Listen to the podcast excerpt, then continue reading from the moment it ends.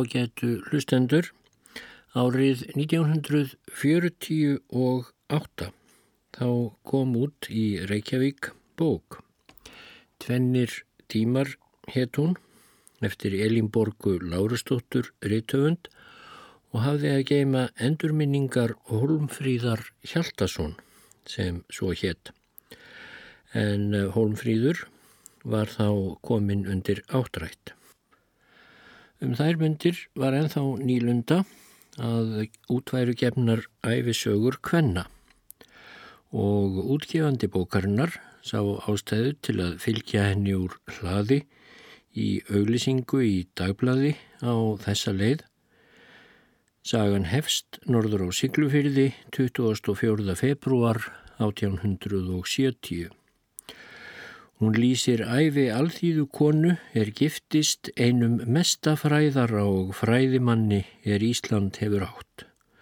Hún bjó manni sínum indislegt heimili, fluttist með honum til annara landa, umgegst þar höfðingja og fræðimenn og stóð kvarvetna í stöðu sinni sem afburða húsmóðir og hetja. Svo mörg voru þau orð. Ef markam á þessa auðlýsingu þá snúast endurminningar Hólmfríðar Hjaldarsson að mestu um eiginmann hennar og hvernig hún bjóðunum fagurt heimili. En svo er raunar alls ekki. Merkilegustu hlutarnir af endurminningum Hólmfríðar, tvennum tímum, fjalla um æsku hennar í sári fátækt og uppeldi sem vinnukonna á íslenskum heimilum undir lok 19. aldar. Það eru þeir kaplar frá hæsku árum Holmfríðar sem gefa bókinni gildi en miklu síður kaplarnir um hjónaband hennar og einmannsins sem vissulega var merkur maður og setna mun ég kannski fjalla hér um hann og þá engum og sérilegi skrif hans um stöðu kvenna á Íslandi undir lok 19. aldar sem voru á sinnhátt merkileg. En í þessum þætti þá ætla ég að klukka í tvenna tíma endurminningar Holmfríðar eftir Elinborgu Lárustóttur og ég ætla fyrst og fremst að lesa um hennar átakanlegu æskuár.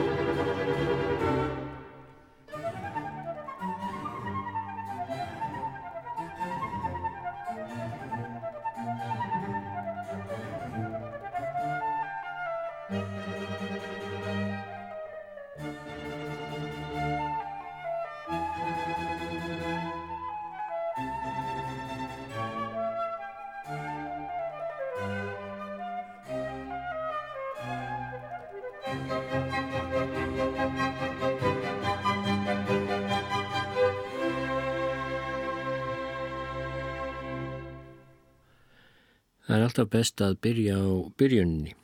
Elín Borg hefur æfisögu Holmfríðar á þessa leið. Holmfríður Margrét Björnsdóttir Hjaldarsson fættist á Siglufyrði 24. februar 1870. Foreldrar hennar voru Björn Einarsson, sonur Einars á Bólu í Skagafyrði og Solveig Magnúsdóttir.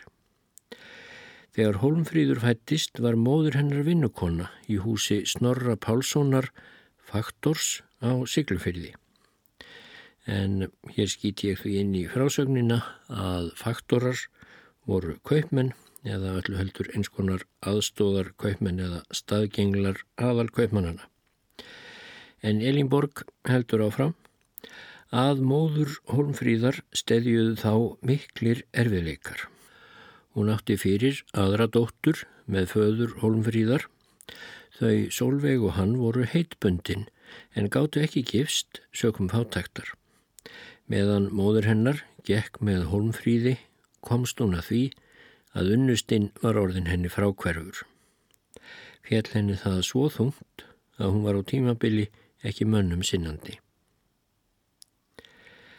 Stúlkubarnið sem hún fætti var efnilegt og er hún var vatni auðsin var hún látin heita í höfuð á faktorsmattumunni en kona faktorsins var alltaf kalluð mattamann í þá daga.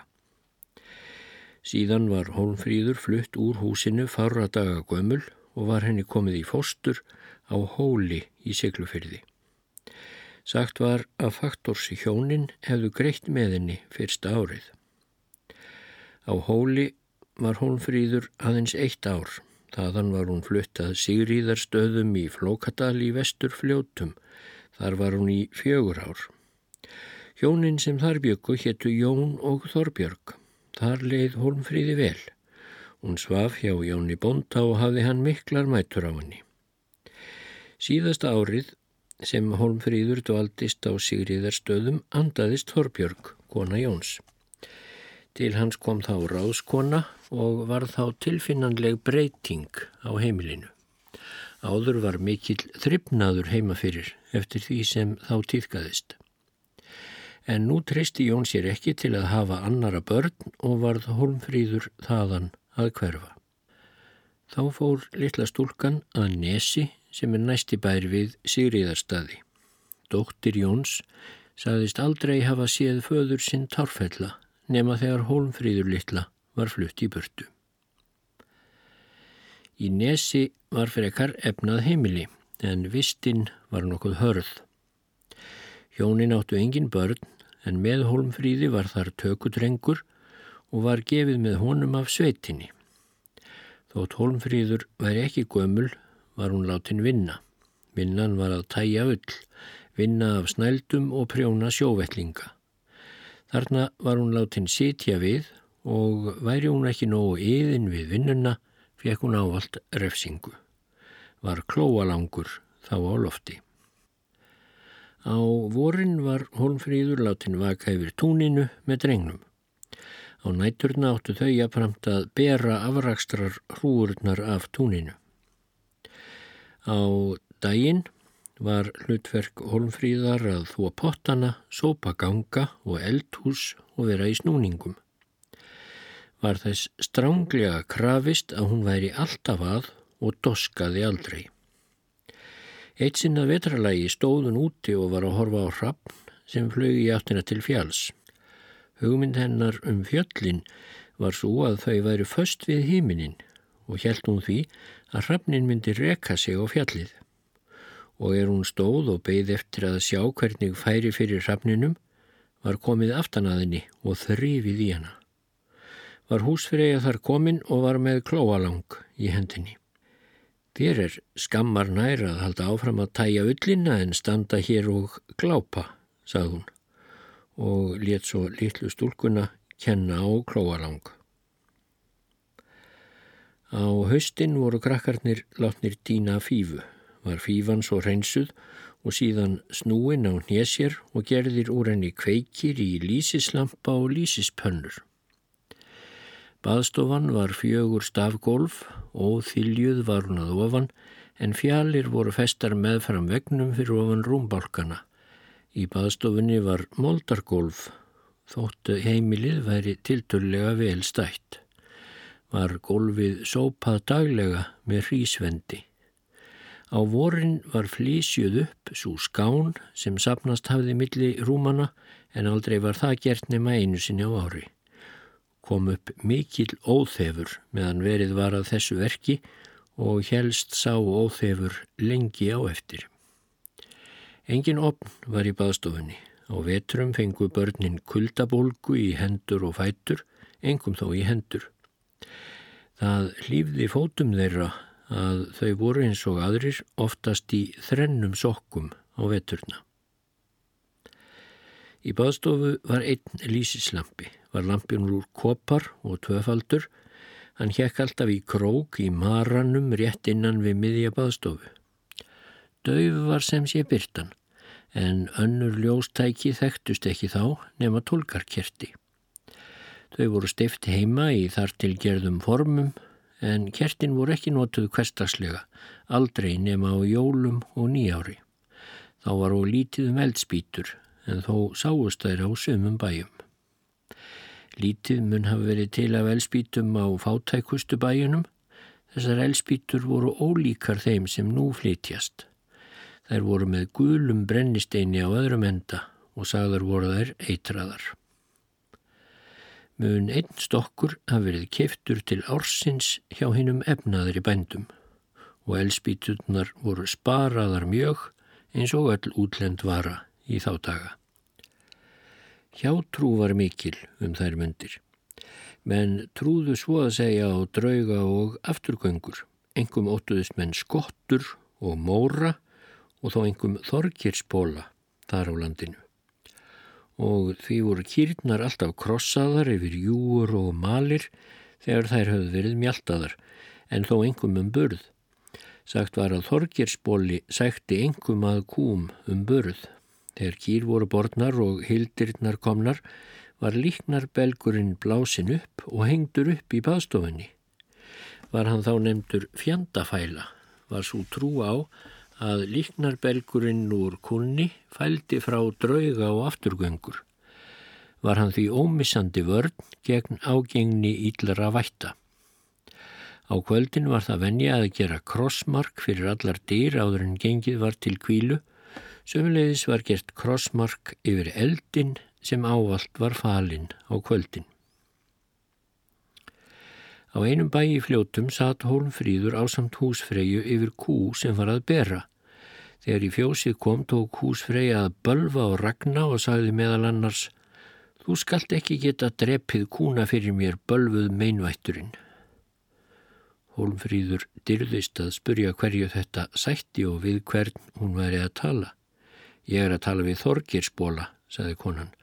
Þegar við gengum í fjósið sá ég að hann satt í hunds líki upp á fjósmæni og hvað heldur það hann hafa ætlað að gera nefn að drepa fyrir mér kúna? Gunni reytir endar vel af en það gekk húsfreyja vel frá henni með krossum og fyrirbænum. En þennan sama vetur fannst hins vegar grá hrissa sem húsbóndi átti afvelta í hestúsinu og var hún steindauð þegar að var komið. Hrissan var eftirlæti skripur húsbóndans og stríð alinn á vetrum.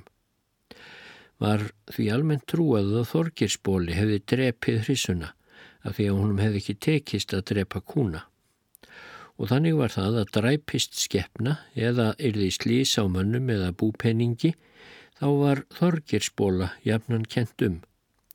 Fullirti fólk að hann gengi þar ljósum logum, sáu sumran og aðrir heyrðu í honum öskrið, engum þó á undan fólki sem þorgirsbóli var sagður fylgja. Yrði fólk sinnisveikt eða sturdlað þá var þorgirsbóla ávalt kentum. Konur þóðu sér jafnanum höfuðið úr kúallandi á þessum árum. Þótti kúallandið hreinsa vel öll óreinindi úr horsverðinum. Sagt var líka að hlandið gerði hárið blæfallegt og varðveitti lengur hinn upprunalega lit þess. Annars var fólk ekki að þó sér daglega, það þótti stakur óþarfi og ofmikil tímaðisla.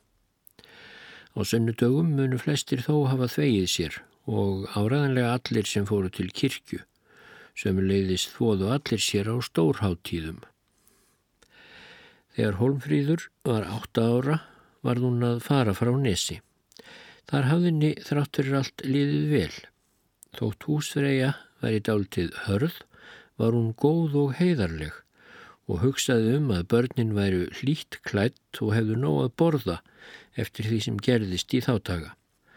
Solveig móðir Holmfríðar hafði gefið meðinni meðan hún var á nesi, en nú gætt Solveig ekki gefið meðinni lengur, slík var fátækt hennar, og því varð Holmfríður þaðan að hverfa. Nauðug fór hún. Ekki var Ingi Björgu húsfreyju ljúft að láta hana fara, en fekk því ekki ráðið. Let Ingi Björg svo um mælt síðan að sig yðræði þess alltaf að hafa látið Holmfríði frá sér. Kona nátengd Holmfríði bauðist til þess að taka hana með gjafar laust. Heimilið var bláfátækt og brá holmfríði mjög við mat, atlæti og annan aðbúnað. Í öllum rúmum á nýja bænum var torf og hei en engar undirsengur. Rekkjuvóðir voru ekki til en pokar og gæruskinn voru breytt undir í rúmin og við þetta var hún að liggja. Einhverjar tuskur hafði hún ofan á sér. Ekki bætti það úr að auk fátæktarinnar var þarna mikill sóðaskapur. Baðstofan á bæ þessum var köld og dimm og líktist mest inngröfnum hól.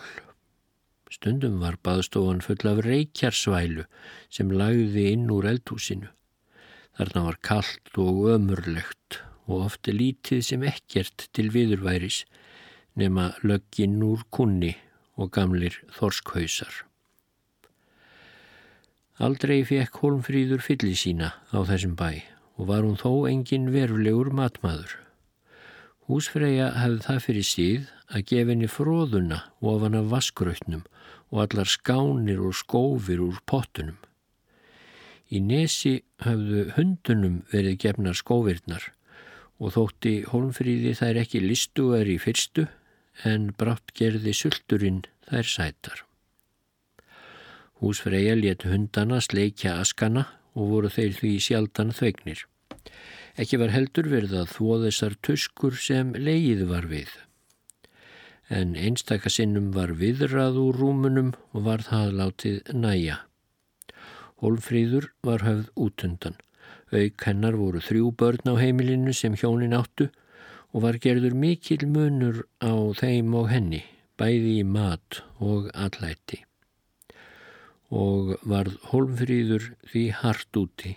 Hún var lítil og framfara laus en var þó að vinna mikið var henni ætlaður allur vassburður en það var erfitt verk því upp allanga brekku var að fara.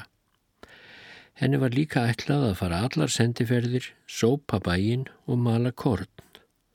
Á vetrum var hún fríður látin móka snjó frá bæ og fjárhúsum, hjálpa til að leysa hei og tróða í meisa. Þar var síður að berja bein handa kúnum, kom það í hlut hennar að berja beinin var hún látin berja þau úti á fiskasteininum og þess ekkert gætt þótt kallt væri. Það kom sér vel að Holmfríður kom vel föttuð frá nesi því ekki fekk hún einn fött meðan hún var þarna. Á sumrin var hún oftast að ganga berfætt. Þetta kott var hjálega frá stórbíli og á þessu stórbíli var selveiði. Þegar selur vettist fengu húsbændur holmfríðar oft livrinna úr selnum. Var livrin svoðinn og þótti góð.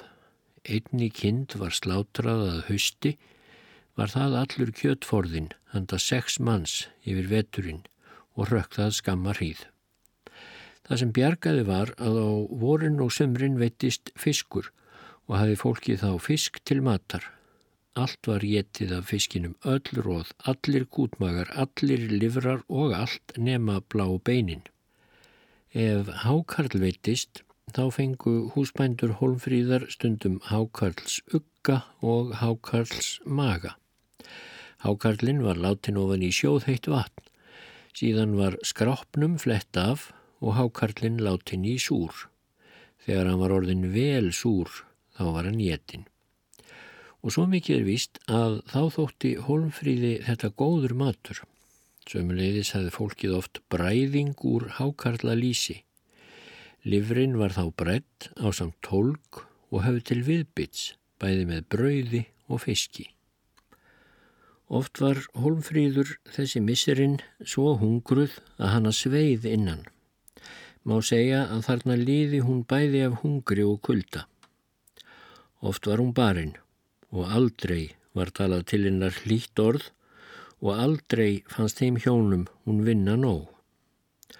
Auk þeirra starfa sem áður eru talinn var það verk barnsins að bera heim allan móin en þar var mór notaður til eldsneitis.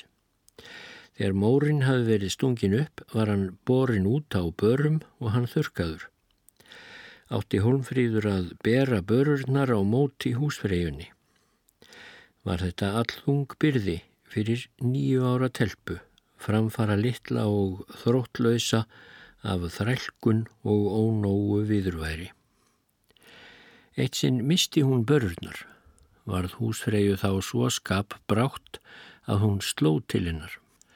Mógröf full af vatni var að baki Holmfríðar og stiftist stúlkan aftur fyrir sig ofan í mógröfina og varð holdvot. En ekki var hún látin fara heim til að skipta um född, heldur var haldið áfram að bera móin eins og ekkert hefði í skorist. Holmfríður undi ítla hagsínum og grét hún stundum daglega. En ekki var fyrir neinum að kæra, hún varð ein að bera allar sínar áhyggjur. Móður hennar var fátæk og gati ekki haft hana. Íngibjörg í Nesi vissi ekki hvað henni leið á þessum bæ. Langt var í milli og fáförult en Íngibjörg sendinni fött hlý og vel unnin. Ekki fekk Holmfríður að njóta fattana. Þau tók húsverja og klætti sín eigin börn í þau og sveið Holmfríði það ekki minnst.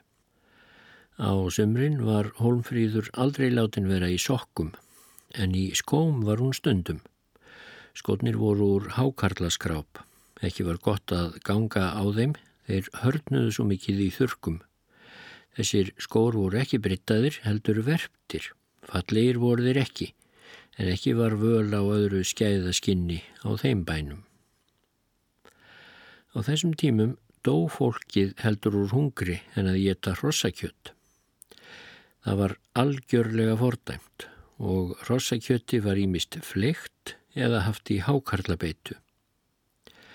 Hjón nokkur byggu þarna í koti skamt frá.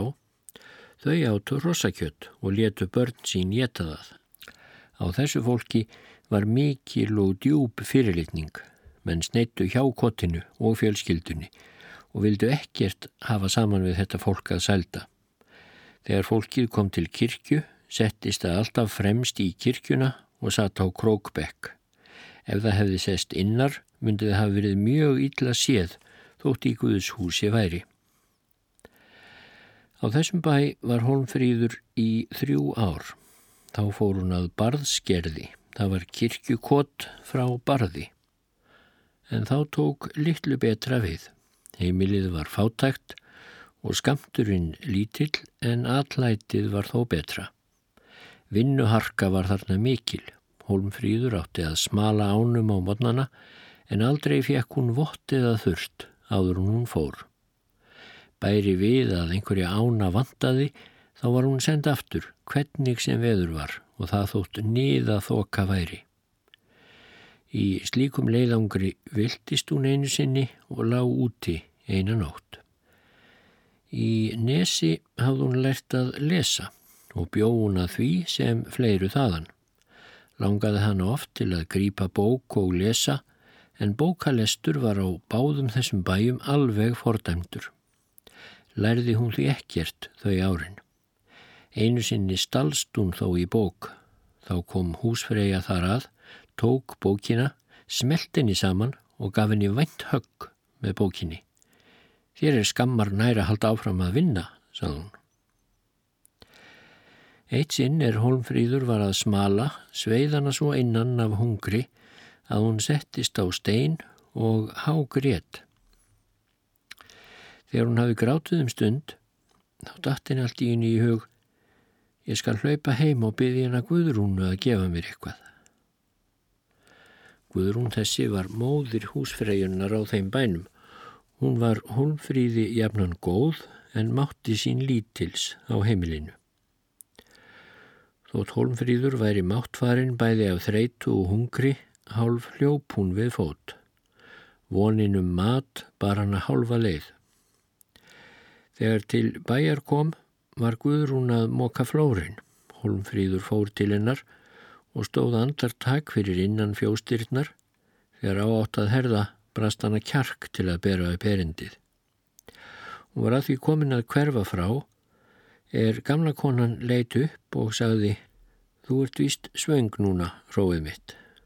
Já, ég er verulega svöng, saði telpan.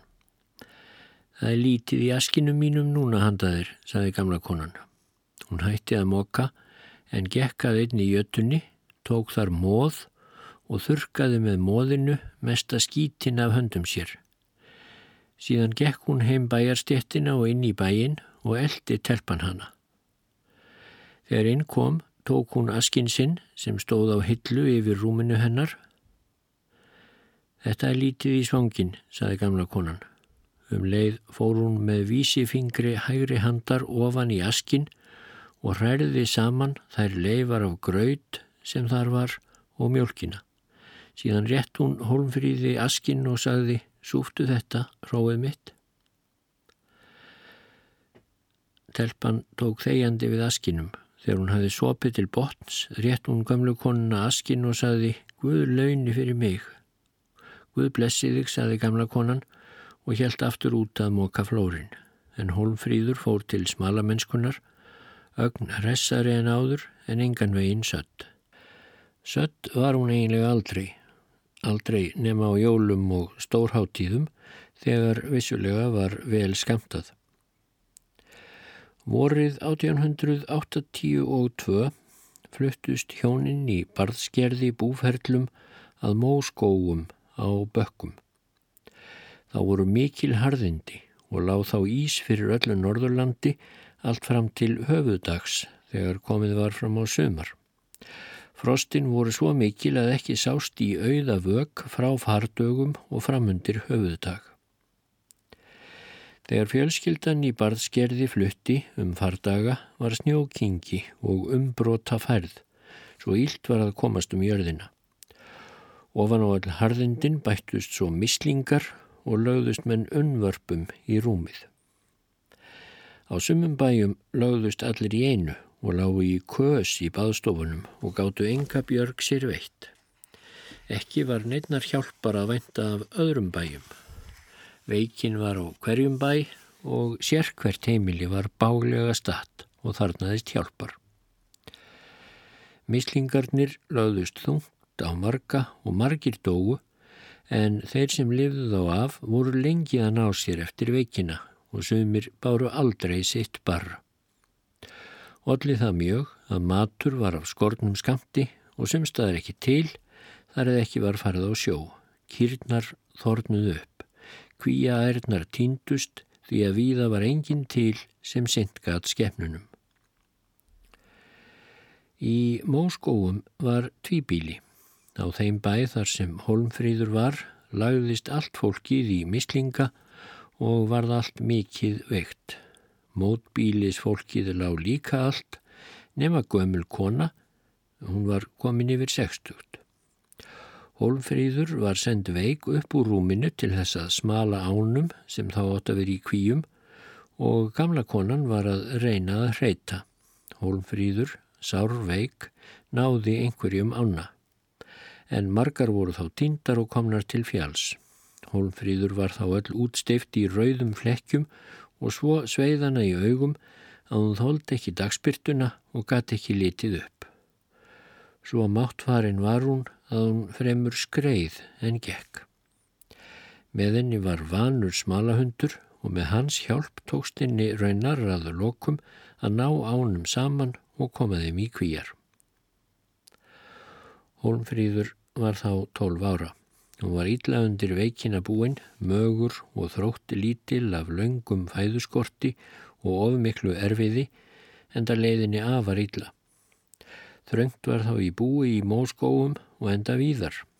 Engin skip komist inn á Siglufjörð fyrir ís.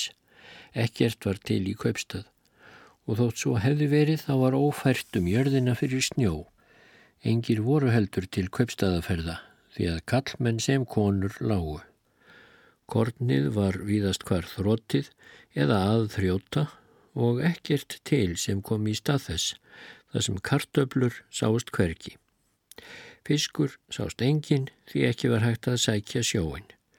Mjölk var þó til víðast hvar, sem staðar var eitthvað eftir af fjallagrösum, þó munu þau víðast hvar hafa verið að þrjóta um þær myndir. Það sem þá varð fólkinu þarna til lífs var að kvali raka úr raunakróki.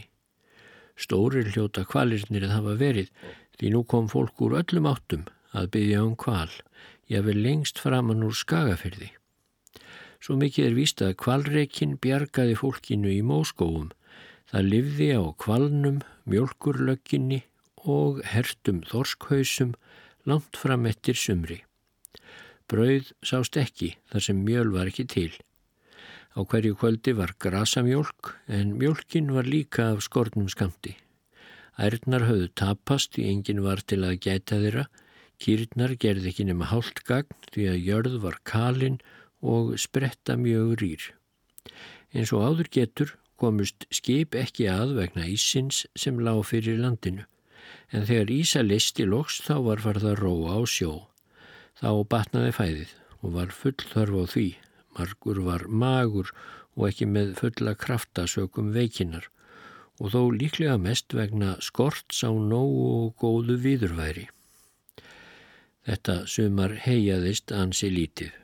Bæði var spretta sama á engin og svo voru svo miklir kuldar að erfitt var að þurka heið.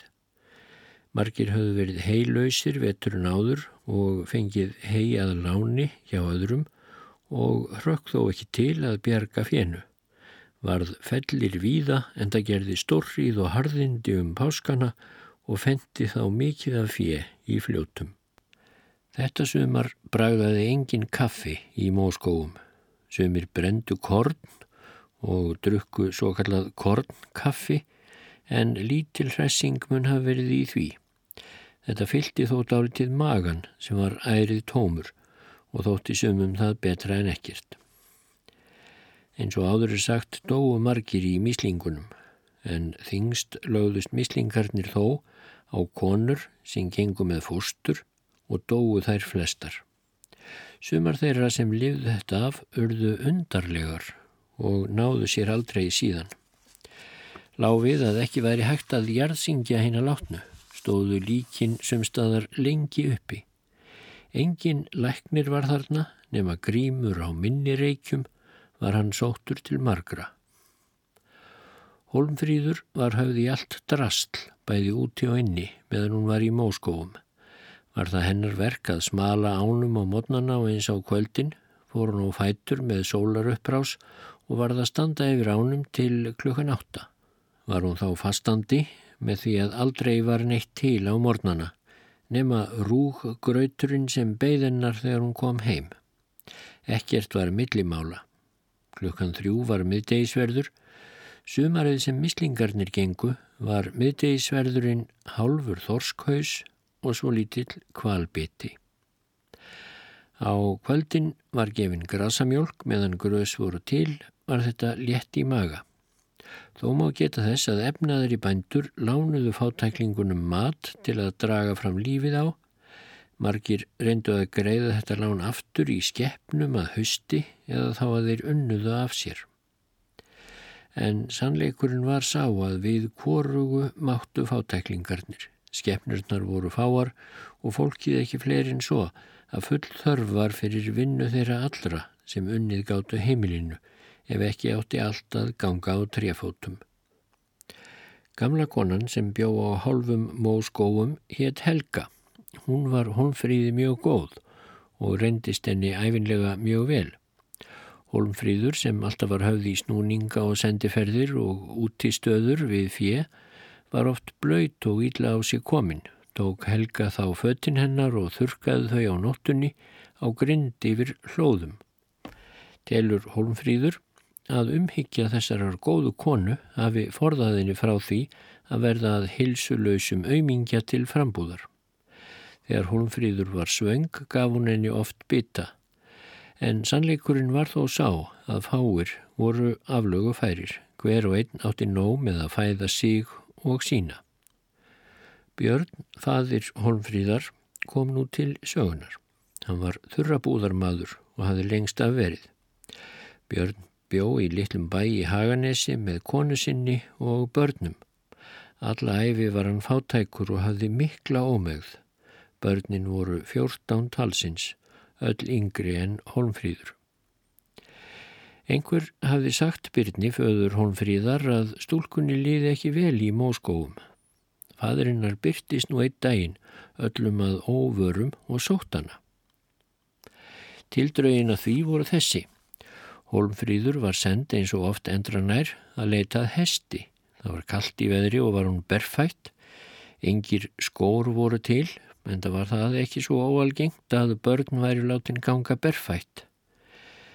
Holmfríði leið ítla og var hún grátandi. Maður sem var þarna á ferð sá hana, hann gerði sér þá lítið fyrir, tók hann á handleg sér og bar hana heim. Þegar heim kom víti hann fólkið harðarlega fyrir meðferðina á stúlkunni.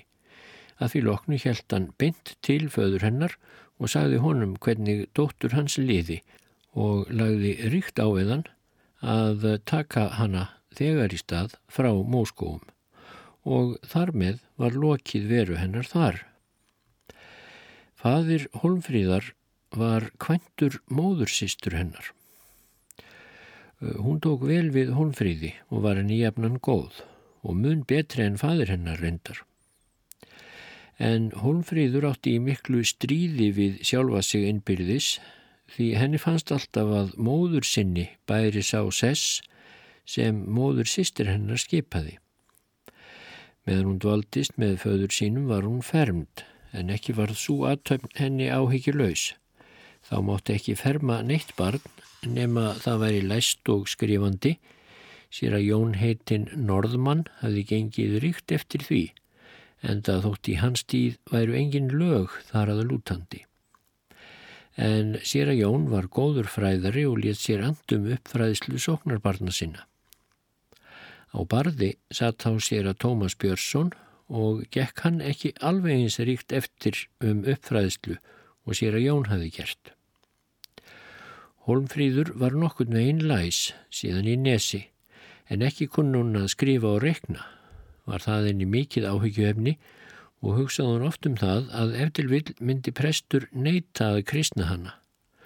Undir ferminguna lærði hún biblíusögur og helgakverið og var þá allt talið.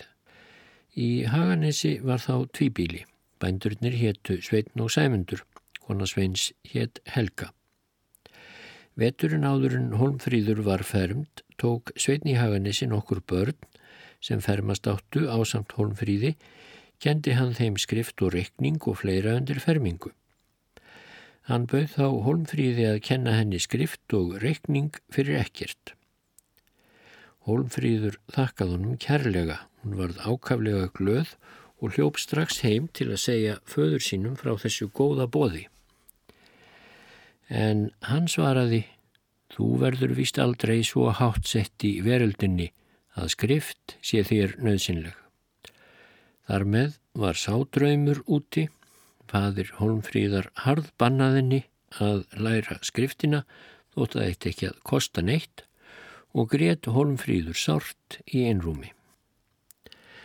Kona Sæmundar, bonda í Haganesi, hétt Björg og sendum vetturinn kallaði Björg á holmfríði inn í búr, gaf hún henni að borða eins og Björg hafði oft gert áður.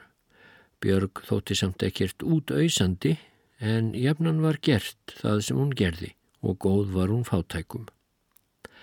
Á meðan telpan var að borða þá segir Björg við hana Það verður víst ekki mikið hugsað fyrir fermingunni þinni fremur en skriftinni hróið mitt. Hólfríður varð heldur niðurlút. Hún hafði mikið hugsað um ferminguna og kviðið fyrir að hún eriði fátæklegust til fara af öllum fermingarbörnunum. En Björg sagði, þú skalt nú fara heim og segja stjúpuðinni að ég skulu hugsa um ferminguna þína. Ég skal lána þér brúðarkjólin minn Hann mun vera mátulegur á þig, við erum báðar litlar. Holmfríði fannst byrta umhverfi sig, nú var þeim áhyggjum aflétt. Hún átti engin orð til að þakka þessa góðvild. En óvíst er að hún hafi nokkuru sinni á æfinni verið þakklátari. Hún hljóp nú heim og flutti stjúpu sinni bóðin frá Björgu. Stjúpa hennar horfið þegjandi á hana en sagði svo Það verður þá gert fyrst Björg villað. Þetta var orðað sönnu. Ekki var Holmfríður í neittni spjörað heimann fermingardaginn. Stjúpa hennar hafði að vísu saumahandinni skirtu úr gamlu lérefts-laki og gert henni skó úr grænlenskum sjóstakk en korugt var notað á hana þann dag sem hún fermdist. Björg klættana innst sem ist í fött af sér og fóru þau henni príðilega. Það vísu voru þau heldur við vöxt en samt ekki til neitt að líta. Hún var í kvítu undirlífi, millipilsið var háraugt og að neðan lagt með fallega litum flaujelspöndum. Kjótlinn var svartur úr ítalíensku efni eins og það var nefnt þá. Efni þetta líktist helst klæði, það var þund og gljáði á það eins og silki. Pilsið var rykt undir streng og vítt, treyjan var aðskorinn, hún náði niður í mitti til hliðana en að framann og aftan gekk hún ofan á pilsið í mjóum otta, ermarnar voru langar og þröngar fram, treyjan var þétt neftað framann og há í hálsin. Þessar treyjur voru kallaðar snörlíf og var sagt að á þeim veri spánst snið. Silki klút hún á herðum. Þennan silki klút fekk Björg léðan hjá sisturdóttur sinni, Evgeníu, dóttur sér að Jóns Normans, en hún var móðir dóttur Jóns Dúassonar. Klúturinn var lifurauður með stórum rósum og löngu kauri. Þessi klútur og aðri samskonar voru kallaðir rósaklútar. Á höfðinu hafði Holmfríður blúndukappa, satt kappin á miðju höfði og náði fram undir ennið. Var kappanum nýtt með silkiböndum undir hökuna en tveir dúskar gengur niður úr kappanum sinn yfir hvoru eira. Voru dúskarnir gerður úr svörtu speilflaueli en allur kappin var samansettur af borðum sem lagðir voru í smá rósettur. Síðast let Björg söðla reyðhestin sinn og lánaði holmfríði hann til kirkjunar á samt reyðtíum. Hesturinn var brútnað lit og hinn mesti kostagripur. Ekki var holmfríður látin setjast í Helgan stein þegar hún kom til föðurhúsana. Hún var þeim fyrir að vinna mikill og var þar sem annar staðar oft lítið að borða. En hún átti hauk í horni þar sem Björg var. Það var langt að sækja vatnið en það var verk holmfríðar að bera vatnið heim. Vatnið var borið á bakkinu í ankeri sem tók 40 potta. Var það vondur burður og henni um megn. Eitt sinn er Holmfríður var að koma með vatnið, var Björg stödd fyrir utan dyrnar í Haganesi en um hlaðið þar var það fara þegar vatnið var sótt.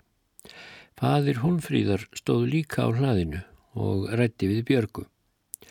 Björg gekk nú til hennar og þreif angjerið af baki hennar og leta niður og sagði all höstuglega við föður hennar þér væri samrað að bera vatnið sjálfur en að láta Holmfríði liklu gera það. Hún fær einhver tíma að finna til í bakinu af vassburðinum hérna. Fadir Holmfríðar svaraði engu orði en hann tók angjerið og hjælt á því heim. Fannst Holmfríði sem sumir hefðu beig af björgu og meðal þeirra var fadirinnar. Heyrði Holmfríður björgu aðtyrða föður sinn oftar fyrir það hver mikið hún væri látin vinna, hækkaði þá hagur hennar í byli en að litlum tímaliðinum fór allt í sama horfið. Fadur hennar var vel gefin en ekki vinnunegður þótt hann yrði að vinna mikið eins og aðrir. Holmfríður var hjá byrni föður sínum í hálft þriði ár. Þá veiktist stjúpa hennar og móður sýstir. Leistist heimili þá upp og varð fadur hennar að flytjast með börnin á sína sveit. Holmfríður fór þá að stórholt í austur fljótum Bóndin þar hétt Björn Þorleifsson, kona hans hétt Sofía. Þar leið Holmfríði vel, var öll aðbúð góð og nóg björg í búi og maturinn góður og vel út til áttinn. Húsfræjan Sofía var dóttir Gríms Græðara sem var prestur og barði í fljótum en Sera Grímur var sonur Gríms Græðara Magnússonar, repstjóra á Espihóli í Eyjafyrði. Þennan vetur veiktist Sofía og stundaði grímur græðari á minni reykjum hana. Hann þótti ágætur læknir og var hans oft vitjað til sjúkra. Grímur var reyndar ákaflega fjölhæfur maður. Auk þeirrar þekkingar sem hann hafði á læknisfræði þá var hann hæfur smiður á bæði gull og sylfur.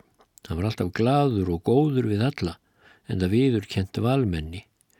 Börn Gríms komu ofta að stórholti og það var alltaf glatt á hjalla þegar minnireikja sískininn komu. Var þá stundum spilað á harmoníku og dansað og alltaf sungið. Minnireikja sískininn voru söngfólk og gleðifólk og öll voru þau vel kefin. Þennan vetur sem Holmfríður dvaldist í Stórholti var tekinn kennari á heimilið. Hjá þessum kennara læriði Holmfríður að skrifa. Þóttinni það heldur hún ekki gott að geta nú párað sjálf. Komst hún fljótt upp á lagum við að draga til stafs.